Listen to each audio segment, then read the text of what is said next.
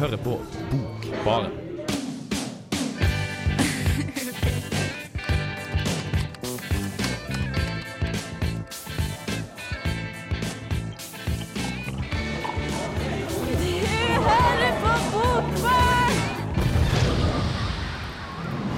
Ja, hei, velkommen til Bokbaren, Bokbarn, som er bokmagasinet på litteraturmagasinet på Radio Revolt. Mitt navn er Vetle Henriksen, og sammen med meg i studio så har jeg Kristoffer eh, Ervik, Hanne Malene og Ingrid Skarholt. Hallo! Hei. Vi har med to gode bøker uh, til deg i dag. Så Kristoffer, hva er det du har med deg? Uh, Jeg har med en Peter Hanke-bok. For det hadde vært en liten debatt i, eh, i media i det siste eh, rundt Hanke og sånn. I det siste som i for en måned siden. Men ja, ja. Vi er litt på etterskudd, men uh, jeg mangla litt bøker. Jeg fikk litt lite sånn info om hva han har skrevet. Så jeg har med 'Målmannens angst ved straffesparkmerket', uh, som er en bisarr liten uh, fille av en bok. Vi gleder oss veldig til å høre på det. Og hva med deg, Ingrid? Jeg har med en bok som heter 'Unnskyld', som handler rett og slett om hvordan gode unnskyldninger egentlig bør være. Og etter å ha sagt det så mange ganger i går da jeg jobba med boka, så sa jeg 'unnskyld' hele tiden, og ikke 'unnskyld'. Og Jeg er i hvert fall veldig opptatt av at hvis man skal si unnskyld, så må man greie å si det ordentlig. Det høres bra ut. Ok, Da har vi masse å glede oss til. Men først så skal vi høre en eh, trailer til um, Kontroll alltid litt. Å, kom an! Dekk midlane og gank den mobben! Å, mor di et hamster og far din lukta som hyll! Bård, Bård, du vet ikke hva de ordene betyr engang. Jo, det, det, det er sportord. First blood, pew, pew. Ja, jo, det er det for så vidt. Men heldigvis så har vi med oss de erfarne Hanna og Mathias når vi i Kontroll Alt Elite snakker om e-sport i podkasten vår. Kan jeg prate med meg? Eh, Vi har også en anmeldelse av eh, Borderlands The Pre-Sequel. Du finner Kontroll Alt Elite på dusken.no, skråstrek radio og på iTunes. First blood, pew, pew. Pew, pew, pew.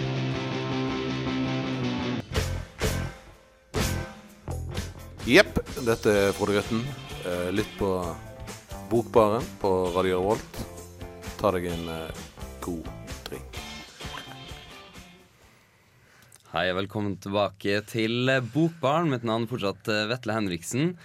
Eh, Du hørte nettopp eh, Rassika med ah, Eh, gi meg, gi meg, Gi meg, gi meg, gi meg. OK.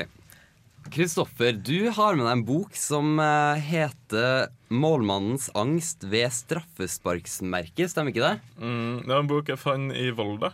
Da jeg var der og besøkte en kompis, var jeg på Bokmannen. Det er en eh, mann som har leid et lokale med mer bøker enn plass. Så det er veldig sånn brannfarlig område. Veldig kult. Veldig masse fine bøker til en billig pris. Så jeg fant den, for det har vært en sånn debatt rundt omkring. eh, Jeg tror jeg har vært stort sett i Norge. Jeg vet ikke hvordan det har vært sånn ellers. Det har også vært debatt på Balkan. Oh, ja, Så. Dette er ganske kult. Det ble en internasjonal debatt av en norsk pris. Hei og Det er en veldig sånn omdiskutert mann, da. Men jeg følte det har vært lite omdiskuterte bøker. Så jeg plukka med denne boka her. Eh, Det handler da om Josep eh, Bloch. eh, Som møter opp på jobben og finner ut at han har fått sparken. Eh, Så er det sånn, Etterpå så er det 124 sider med bare om flakking av eh, damer og slåssing og mindre ting. Han plukker også pærer en gang. Men hva var det som gjorde at du fikk lyst til å plukke opp akkurat denne boka? Eh, Jeg fant den i hylle. Det var ikke noe mer eh, Jeg har liksom ikke funnet ut hva han er sånn virkelig kjent for. Jeg har hørt om den vinterskildring. Er det det heter? eh, Skal se.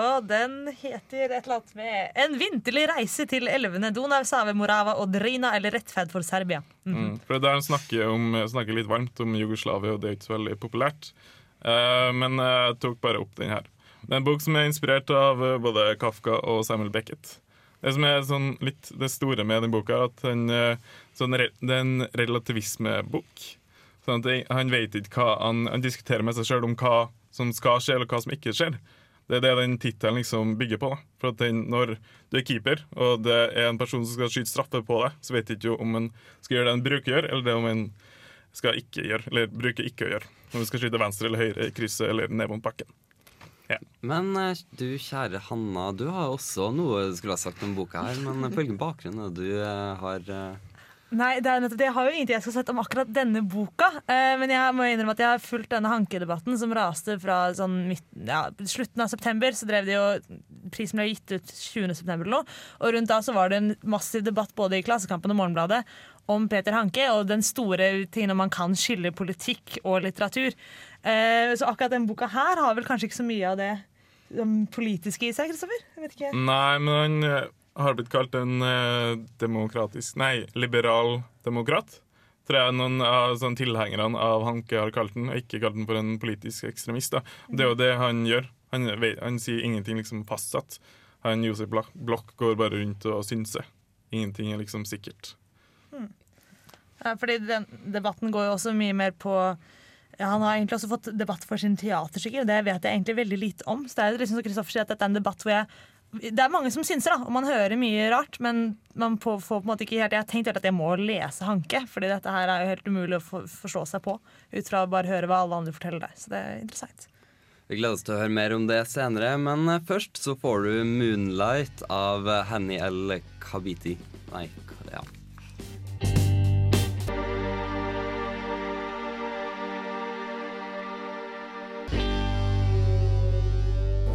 Hallo, dette er Karl Ove Knausgård. Hver gang jeg er i Trondheim, så hører jeg på Bokbaren. Et fantastisk, eh, fantastisk bokprogram. Ja, eh, du Kristoffer, eh, du har vært så heldig å ha lest 'Målmannens angst' ved straffesparksmerket. Ja. Når jeg bladde gjennom den boka i stad, så la jeg merke til at det ikke var noe kapittel i den. ja. Ja, hva Det var en sånn strømning av informasjon som han Hanke gir oss. da. Det er 124 sider med Det er avsnitt og punktum, men det er ikke noe andre avskillinger. Det er tegn på det som en sånn et, eh, skrivemaskin. Så liksom takk, takk, takk. Og Det eneste pausen du får, er den plingen. Og det er liksom plingen i boka er avsnittene. Det er ikke noe mer. Det er liksom eh, takk, takk, i 124 sider. Var er det utrolig slitsomt når du satt og leste og det bare var ingen ende på det hele? Ja, men det er litt spennende. men eh, jeg tror den er veldig morsom for dem som er sånn hyperintellektuelle. Det er en sånn eh, passasje der det er en person som sier 'her burde det vært et avsnitt', og så tenkte jeg det burde vært et avsnitt i den teksten også. Så han syns sikkert det er dritmorsomt, sa Peter Hanke når han skrev det. Veldig morsomt. Og eh, Hamle, du leste jo litt, eller du bladde litt gjennom boka, så fant du en side der det var ikke som det bruker å være i bøker. Nei, der var det plutselig masse symboler. Så Susanne og jeg gikk bort og satt på en, og så var det liksom en tegning av en stol. Og litt sånn diverse rare greier. Jeg skjønte ikke helt hva som var greia med det. Har du noe Nei. Jeg tror han, som sagt så tror jeg han syns det er litt sånn morsomt. da. Jeg syns det var litt vanskelig å få tak på denne boka. Det er bare en sånn strømning av, av informasjon. Det er en gang han går inn på kino, og så ser han en sånn torg med en sånn klokke. Og så i neste avsnitt så flytter han seg som person inn i et sånt torg med en sånn klokke og hører på den klokka. Så er det veldig vanskelig å få tak i det. Få tak i hele teksten. Men det var to ting jeg la meg merke til. Eh, Det er en hendelse der han eh, ligger i en seng med ei dame, og så spør hun han om jobben som han mista. Så blir han kjemperedd, og så bare tar han tak i nakken hennes, og så knekker den.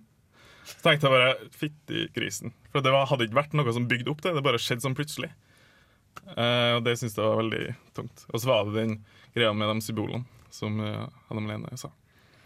Nå har jo ikke vi eh, andre her lest boka, så kan ikke du bare gi en eh, kjapp innføring i hva egentlig den eh, tar for seg? Jo, men det, hvis, eh, hvis du er så heldig å lese eh, prosessen eh, av Kafka eller eh, noe av Samuel Beckett, så er det sånn cirka i samme område.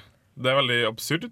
Det er veldig, det er veldig enkelt. Den, på baksida av eh, den boka, 'Målmannens angst for straff- straffesparkmerket', så sto det at det var en naken og stilistisk eh, sikker roman. Hvis du tror du liker Beckett og Kafka, eller vet du gjør det, så bør du ta opp den boka her òg. Hmm. Men- Men er den litt sånn eh, Jeg vet ikke. Når du sa Kafka-prosessen, så fikk jeg litt sånn samfunnskritiske vibes. eh. samfunnskritikk samfunnskritiker at det ikke er noe kritikk, at det er bare relativ til liksom at det kan være hva som helst. Ja. Hmm. Hadde med det? Nei, ingenting. Ingenting. Ja, eh, du eh, har jo lest ut den her nå, men eh, hva sitter du egentlig igjen med etterkant? Eh, ikke så veldig mye. Veldig, jeg tror den er veldig stilsikker. Jeg tror Hvis man satte seg ned og liksom utforske utforska hvert eneste sånn Ikke hvert eneste avsnitt, men hvert eneste sånn hendelse, så tror jeg jeg kunne fått eh, mye mer ut av den. Jeg måtte jo lese den litt eh, fort, for jeg er sånn lat, så jeg gidder ikke å lese bøker hele dagen. Jeg liker å spise godteri og sitte på sofaen. og sånn.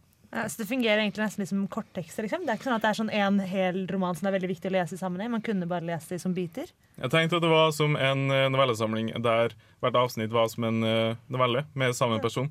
Så det kunne det vært. Jeg syns den er litt uh, tung å lese. Men uh, hvis du liksom virkelig, virkelig vil ha en sånn hjernenøtt, så bør du ta deg opp den her. Andre grunner til å lese den? da? Eh, nei, det er en eh, bok, og hvis du ikke har noen å lese, så ja, har du den. Jeg ville sagt at en grunn er nettopp denne, hele denne debatten vi skal ta litt mer om etterpå, så var det jo veldig mye um, lest og mye greier, men det var, som sagt så er det ikke vært så mye om litteraturen til Hanke, så tenker jeg nettopp en grunn til å lese Hanke er nettopp for å prøve å få seg en mulighet til å se hvor man kan stå i denne debatten. Men det virker som dette veldig interessant at det virker som denne boka her er veldig annerledes fra de dramaene og de bøkene som har vært oppe i media som har blitt kritisert, for det har jo nettopp en veldig sånn naivistisk sånn hei, her er verden-følelse, og ikke noe politisk sånn brodd, da. Så det er jo interessant å se det også i forhold til disse verkene som da tydeligvis er superkontroversielle. Jeg tror både med den 'Vinterreiser' og den boka her, så prøver han å provosere. Mm. I den, uh, den 'Vinterreiser' tror jeg han vil vise et bilde som ikke media ville vise. Ja, men det er greia, men her sånn, så vil han jo bare spy litt, liksom. Eller Ja, Ja. spy litt. Uh, men det er jo relativisme er jo en mening, da. Selv om det Ja. Alt er så meningsfullt. ja. Som vi kort nevnte i stad, så fikk jo Hanke Ibsenprisen. Og vi skal snart diskutere det, men først så får vi 'Blinded' av The Bots. Vær så god. Hei, det er Pedro Carmona Alvarez. Du hører på Bokbaren på Radio Revolt. Det stemmer. Du er så heldig å høre på Bokbaren på Radio Revolt. Mitt navn er fortsatt Vetle Henriksen, og vi skal nå gå inn i eh, den litt omdiskuterte Ibsenprisen som gikk til Hanke, stemmer ikke det? Det stemmer. Ibsenprisen 2014 gikk 20.9., eller noe i den dur, eh, til Peter Hanke og hans fatterskap. Eh, Og det, denne Ibsenprisen da, det er en pris som eh, Anniken Huitfeldt i 2011 uttalte at skal gå til en person, institusjon eller organisasjon som har tilført verdensdramatikken eller teatret nye kunstneriske dimensjoner. Eh, Den har tidligere eksempel gått til Jon Fosse. Eh, Og så var den også før mer sånn at det skal også være til verk som skaper kritisk debatt og stiller samfunnsmessige spørsmål, men det har de på en måte gått ut bort fra og sagt at den skal være en mer teaterpris. Og så gir den til Peter Hanke og starter den diskusjonen nettopp om samfunnsdebatt i litteraturen. Så det er jo veldig veldig interessant. Em, og juryen fikk masse masse kritikk. Det var en som heter Øyvind Berg som gikk ut og sa at juryen må trekke seg. Uh, mens juryen selv var veldig ikke hadde noe lyst i det hele tatt til å svare på denne kritikken. Så det tok kjempelang tid før noen gikk i møte med kritikken. Uh, og da sa f.eks. juryleder Per Boje Hansen at vi er helt enige med at Hankes politiske handlinger ikke diskvalifiserer ham fra å få en slik pris. Det at en person har sterke, avvikende og uakseptable holdninger politisk, bør ikke være diskvalifiserende. Uh, og dette er det da veldig mange som ikke synes så godt om. Og så er det også da andre som sier nettopp at jo, jo, men man må skille litteratur og politikk. For eksempel så er jo Knausgård, som vi også har hørt en jingle av tidligere her, eh, gått veldig inn for å si at nei, men man kan ikke si at litteraturen til Hanke er forkastelig, eller at man kan kritisere denne prisen pga. hans politiske holdninger. Så det er en veldig sånn evig debatt da, som vi også har hatt tidligere i Norge, nettopp med Hamsun. og Det er liksom noe som bare kommer igjen og igjen og igjen, og er egentlig litteraturpolitisk. og Hvordan skal vi se på dette? Og jeg synes det er så sykt interessant! Så dere sikkert merker på denne sånn ett og et halvt minutt monologen. Eh, og så utrolig vanskelig. Um, fordi også i denne debatten her Så har jeg liksom Jeg har sånn sett ikke lest noe Hanke. Så for meg så var det å sitte og lese liksom, avisartikkel på avisartikkel på avisartikkel som sier at å, eh, Hanke er en fascist, og det han skriver om liksom, Han støtter han derre Milosevic, eh, Ja, Ser- ja, Serbias president, og snakker i begravelsen hans. Så kommer Knausgård og sier nei, nei, det Hanke gjør, er å eh, snakke om tilværelsen og prøve å beskrive det på en annen måte. Og det er helt umulig for meg på en måte å vite Man kan jo ikke vite hva som er på en måte riktig, eller hva som er sant, eller hvem man skal stole på. Så jeg får bare masse argumenter på den ene siden og på den andre siden, og så sitter jeg igjen i midten og er litt sånn Men hva skal jeg egentlig mene om dette? her? Jeg kan ta en stilling til den prinsipielle litteratur kontra politikk-debatten, men jeg kan egentlig ikke si noe om Hanke, fordi jeg aldri har lest ham. og alle argumenterer så sykt godt. Det er jo så fælt, for det er jo forfattere som driver og så argumenterer veldig mye her, så de kan jo formulere seg på en helt utrolig måte. Så jeg sitter der og er sånn Ja, jeg er helt enig, så kommer noen andre og sier det helt motsatt. Men ja, jeg er helt enig i dette også, så det er helt umulig. En, det er jo ikke en, eh, en sjelden eh, debatt, det der. Som, Nei, nei, eh, nei. Det har gått, gått eh, veldig lang tid før Dag Solstad har blitt, eh, blitt oversatt til Frankrike. Men eh, nå har han jo blitt fått så å si alle. Og han kommunisten, han kinesiske kommunisten som vant Nobels fredspris før hun, Lisa Monroe, hun, han fikk jo også litt kritikk. Selv om det ikke hadde noe med litteraturen hans, bare om liksom fordi han var medlem av det kommunistpartiet. Kult. Jeg har ikke sett så mye på den eh, debatten, men eh, etter å ha lest eh, litt om den, er det noe du har innsett? Siden du snakka litt om før sending. um, ja, eller jeg syns det er litt vanskelig å, som Hanne Melenes eh, sa, at, å skille mellom Hanke og litteraturen. Men jeg syns som alltid skal, skal man lese bøkene, og ikke bare synse. Og lese, liksom, gi seg en mening opp fra de artiklene. Kanskje lese bøkene først, og så lese uh, avisen. Ja, men det jeg også synes var veldig morsomt, er at det er jo det er ikke så ofte vi får folk som er så sure på hverandre i norsk litterær offentlighet. Det var folk som sto utenfor Nationaltheatret og demonstrerte da Hanke skulle komme og, ta, og liksom, ha den forestillingen etter å ha fått prisen. Sånn. Og det er liksom det skjer ikke så ofte, og det betyr at de har klart å treffe et eller annet. Da. Og det er jo en, jeg hadde jo et helt fag i våres som gikk på Hamsuns politikk kontra hans litteratur, og det er en utrolig interessant diskusjon å ta. Og det går jo nettopp på hva vi kan si om virkeligheten. Og så er det jo dette med språket og ironien og hva slags avstand dette lager til alt sammen. Og det er jo utrolig interessant. Det, men det er bare at jeg har aldri på en måte Det er veldig morsomt å følge denne diskusjonen på en måte i real time, og ikke være sånn 'Nå er Hamsun for 100 år siden', men faktisk sånn Akkurat nå så sier folk akkurat dette, og så må du prøve liksom å manøvrere deg gjennom denne jungelen av ting. Det er sykt festlig. Ja, nå har vi pratet en del eh, om det her. Jeg tenker vi skal gå videre på eh, Ingrid sin eh, roman 'Unnskyld'. Men før det så skal vi høre på 'Syden' av Kaja Gunnefus... eh, Gunn... Gunnufsen. Gunnufsen? Hun er gravid, forresten! Oi. Ja. Uh. Ja, det her er Tore Renberg, og eh, du må jo selvfølgelig høre på Bokbaren. Hei, velkommen tilbake til Bokbaren. Mitt navn er fortsatt Vetle Henriksen. Du hørte nettopp Spy vs. Spy av um, uh, Science Fiction.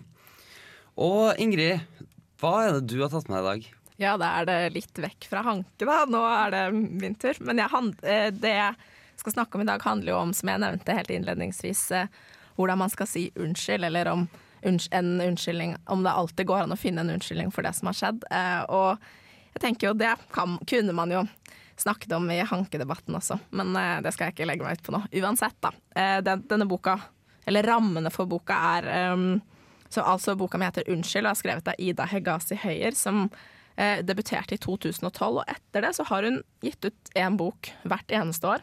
Og da kunne man kanskje tenke at hun skriver fort og gæli og liksom, at det ikke blir så bra, men, men det blir det. Jeg vil si at det er et tempo som kanskje gjelder henne praktisk, som også gjenspeiles i bøkene. For det er veldig sånn ja, virkelig en tempo, en flyt i disse bøkene, bare strømmer på. Eh, og det gjør at eh, eh, Og jeg syns faktisk at det er noe veldig spesielt som er kult her, som, som ja. Så uansett. Fordi eh, dette er en bok som, eh, som handler om en ung kvinne og en litt eldre mann, det må presiseres, som eh, blir veldig forelska, og som flytter sammen nesten med en gang. De blir liksom uten å egentlig kjenne hverandre, og etter hvert som de bor sammen, så lever de først i en boble, men så skjønner de sakte, men sikkert at kanskje ikke tingene er helt eh, som de tror det er. da. Og det fortelles gjennom kvinnen i forholdet, og hun har kanskje ikke så mye å skjule, men den hun er sammen med, er nok en litt annen enn den han gir seg ut for å være, da. Det høres veldig spennende ut. Vi skal høre litt mer på den akkurat her og nå, så ikke gå noen plass. Her får du 'Unnskyld' av eh, Ida Høyer.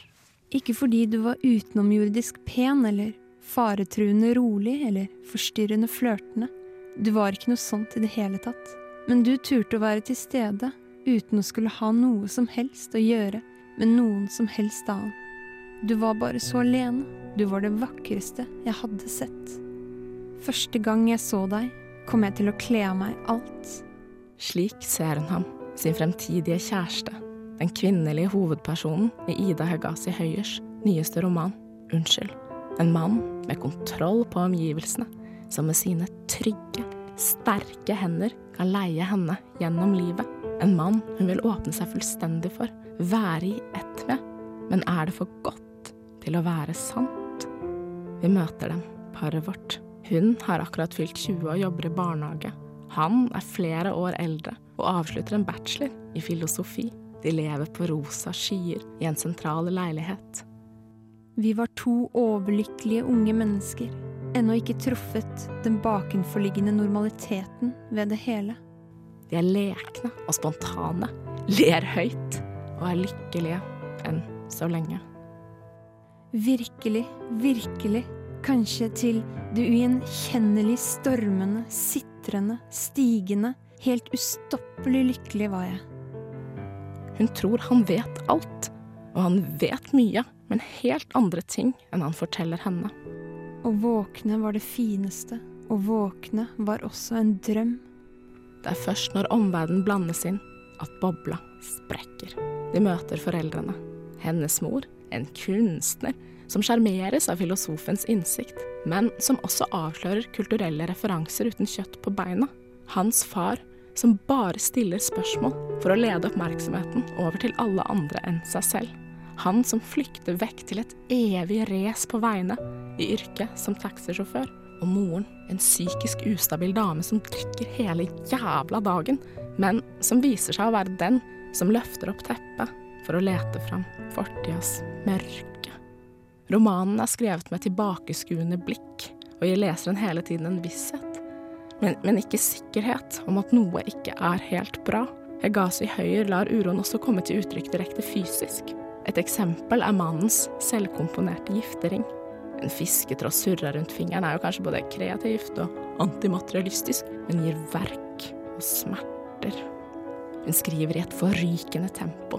Språket nærmest gnistrer av energi. Men i motsetning til romanuniverset, der altfor raske valg får katastrofale følger, er det nettopp dette tempoet som gjør Hegazi Høyers romaner så spesielle. Vi vet sjelden hvilken vei en setning tar. Den avbrytes, vender om og overrasker stadig. Tempoet bidrar også med en voldsomhet over beskyldningene og minnene. Det kommer så mye informasjon på kort tid at vi får problemer med å svelge alt sammen. Unnskyld viser farene ved å flykte fra fortiden. At forsøk på å starte nye liv med bare glansbilder i bagasjen er umulig. Unnskyld lar oss forstå dybden av et av de viktigste og vakreste ordene i verden. Men mest av alt. Unnskyld er en roman om en altoppslukende romanse som lever for lenge i øyeblikket. Når den til slutt våger å se fortiden i øynene og famler etter en god nok unnskyldning, er det allerede for sent. Tre sekunder. Jeg så deg i tre sekunder før jeg glemte å se videre. Som den første gangen. Jeg så trekkene dine, linjene og buene. Rekkevidden av ditt vakreste, vakreste ansikt. Hvor alene du var, og hvor riktig det kunne se ut. Hvordan håndflatene dine vendte oppover, utover. Hvordan munnen din ble hengende, uforstilt åpent, og mot et ord som aldri kom. Jeg så det ordet, jeg tror det, som en bjørk på vei bak sola, i en blå dags skygge, noe sånt. Jeg så det ordet, og jeg hadde det nesten, men jeg visste ikke hvem av oss det skulle komme fra, og heller ikke visste jeg at dette ordet, selv det sanneste, riktigste ordet, ikke bare var feil, men også altfor lite. Der fikk du altså Steffen Marley med 'Keeper of the Flame'. Og Ingrid, du har jo lest uh, 'Unnskyld'. Er det her uh, en bok om å si unnskyld?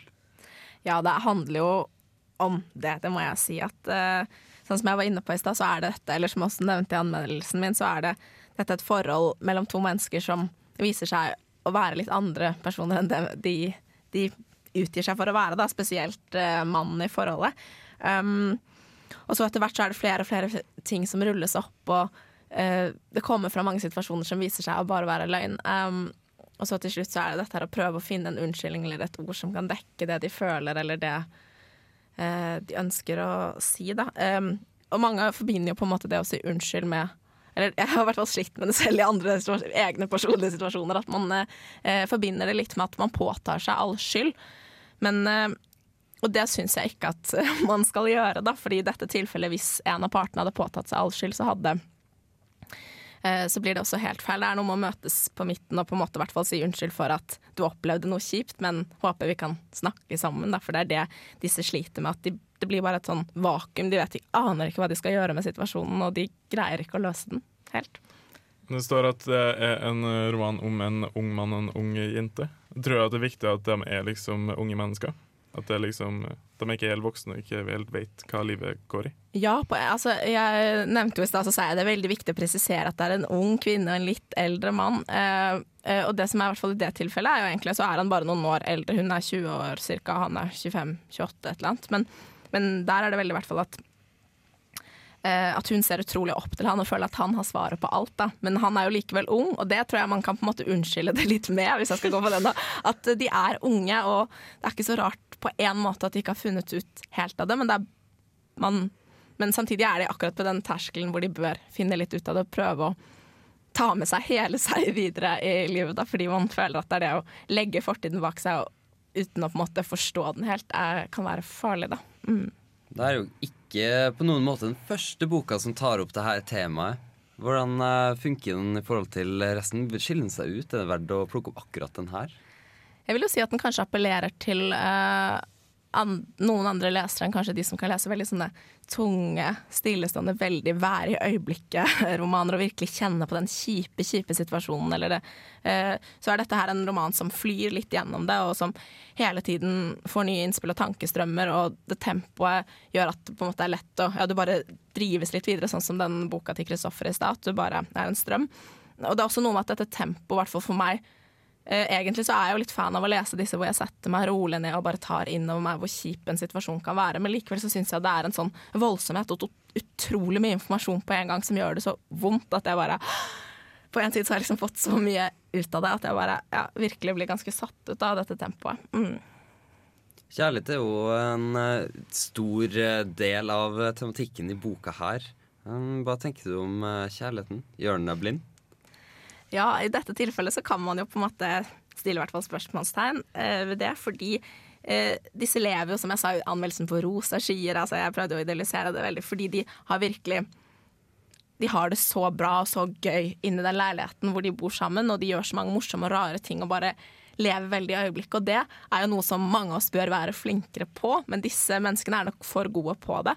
Um, og det er først når omverdenen blandes inn, uh, det er også et mer spennende element ved boka, at når omverdenen blandes inn, så begynner også ting å skje. Fordi man kan bli litt lei av at de bare ramser opp og ramser opp og ramser opp sånn å, det skal være meg og deg for alltid, vi er ett, og sånne type ting. Men når omverdenen blandes inn, så får man både kontakt med foreldrene, som forteller ting om spesielt han, da, eh, som ikke er så bra. Eh, og, eh, og, også det at f.eks. hun eh, dama jobber i, eller jente eh, jobber i en barnehage, hvor det skjer en litt som en kjip episode som hun ønsker å fortelle til de ansatte. Men hvor kjæresten hennes da forteller henne at det tror jeg kanskje ikke du skal si, og det er et barn som blir slått, da. Eh, og det skal du ikke si, det syns jeg vi skal holde hemmelig. Og da begynner hun jo å forstå litt kanskje hva slags type han er. Er det en sånn person som Skal jeg bli som han? Skal jeg lære å lyve? Um, er, men, og, men, samtidig, og da, da får hun sånn, en sånn distanse til sin egen situasjon, og får parallelle situasjoner som kan åpne opp så hun forstår sin egen situasjon bedre. Så jeg tror kanskje at det er lurt å sprekke bobla litt, i hvert fall prøve litt av og til. Hm. Mm alle bøkene vi har hatt på Bokbarn, tror jeg faktisk den her eh, den har hatt mest lyst til å plukke opp selv. Jeg uh, vet ikke med dere, men uh, her får dere i hvert fall ekko av Verité. Du hører på Bokbaren.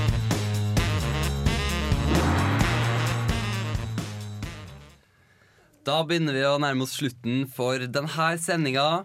Etter oss så kommer Hittegodsklinikken og skal prate litt om eh, div musikk, eh, blant annet psykedelisk og eh, prog-rock. Ja! Så uh, hør på det. Eh, vi har eh, prata litt om eh, Unnskyld, og vi har prata litt om Målmannens angst ved straffesparkmerket. Det stemmer. Neste gang så skal vi også Jeg skal i hvert fall ta med en bok som handler litt på en måte da, trekker litt paralleller til Unnskyld. Fordi at den handler også om et parforhold med en ung jente og en voksen mann. Og det er også tittelen på boka. Så gled dere til det. Um, vi har litt blæsting gjør, har vi ikke det? Ja, fordi i denne sendingen så hadde jo da Kristoffer med seg en bok av Peter Hanke. Så vi også da snakket en del om Hanke-debatten. Og så sa jeg å, jeg har aldri lest en Hanke. Men det jeg derimot gjort, er at jeg har sett en film som er skrevet av Hanke, som heter på min dårlige tysk det er Himmel über Berlin, eller Lidenskapens vinger på norsk, da, som er fra 1987, som han har laget sammen med regissøren Wim Wenders.